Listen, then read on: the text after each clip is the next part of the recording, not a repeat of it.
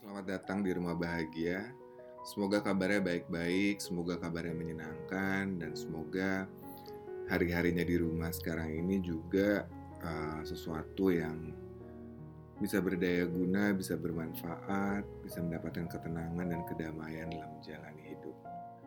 Hal-hal apa saja harus kita syukuri ketika hidup memang tidak seperti yang kita inginkan.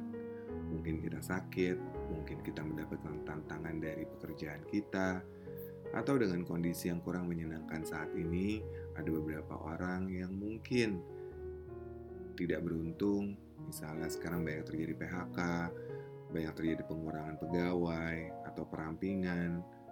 Yang pasti, kita akan lebih banyak punya waktu di rumah atau di tempat tinggal kita, dan punya waktu lebih banyak untuk berbicara dengan diri kita, untuk mengevaluasi diri, dan juga untuk menenangkan pikiran, dan hati kita. Apa saja yang bisa kita syukuri dan apa saja yang bisa kita nikmati, saya akan coba berbagi dengan teman-teman semua. Sebenarnya kita harus banyak bersyukur bahwa kita diberikan kesempatan untuk beristirahat sejenak dari segala aktivitas kita. Kesibukannya dari pagi sampai malam itu membuat kita kadang-kadang lupa beristirahat. Nah, sebenarnya momen seperti inilah momen yang paling penting untuk kita untuk bisa beristirahat sejenak lepas dari segala kelelahan atau kondisi fisik yang membuat kita kurang beristirahat.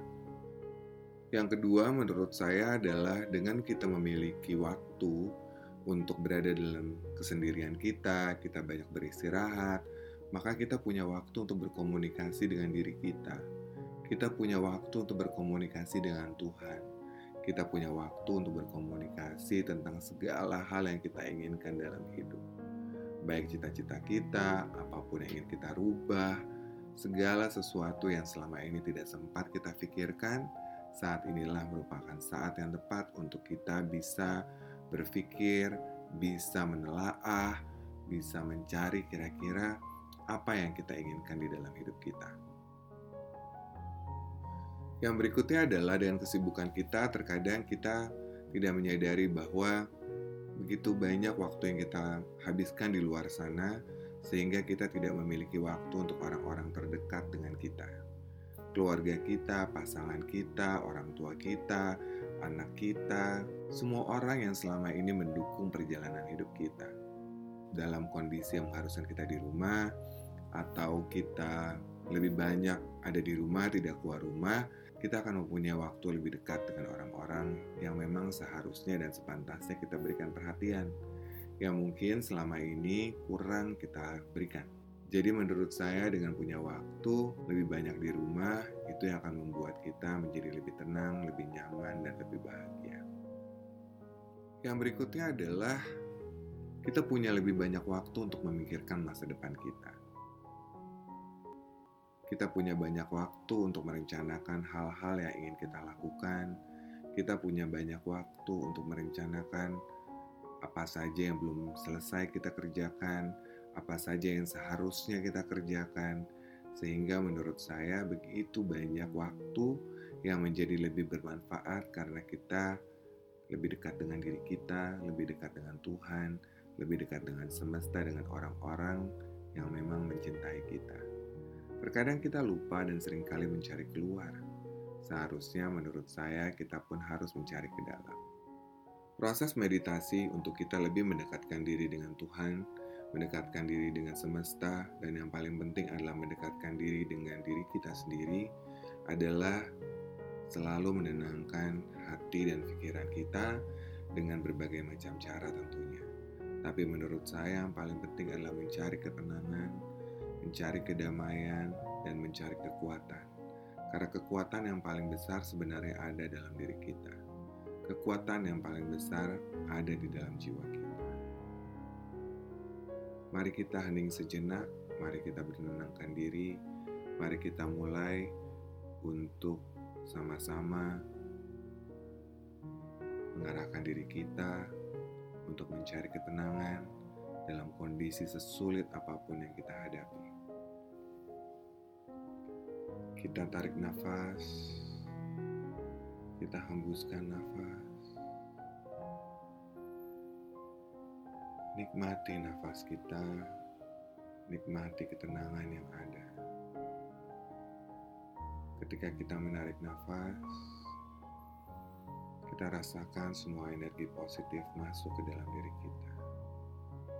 Dan ketika kita membuang nafas, kita buang semua rasa yang tidak menyenangkan. Segala sesuatu yang membuat kita terkadang merasa tidak tenang.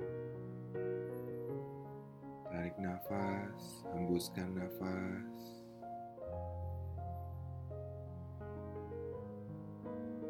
Lakukanlah dengan teratur, lakukanlah dengan tenang, hingga kita merasa nyaman dengan nafas kita, hingga kita merasa nyaman dengan diri kita.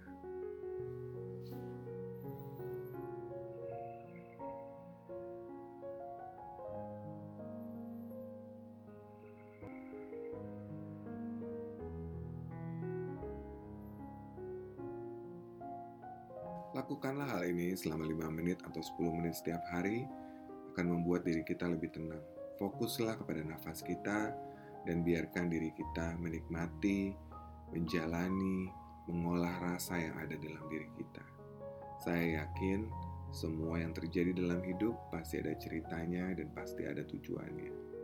Saya berharap kita semua bisa mengambil hal-hal positif dan hikmah dari apa yang menimpa pada diri kita dan sekeliling kita. Dan saya yakin tidak ada cerita Tuhan atau cerita di alam semesta yang ingin menghancurkan kita. Semuanya kembali kepada cara kita menganalisa, memandang, dan bagaimana kita menghargai diri kita sendiri.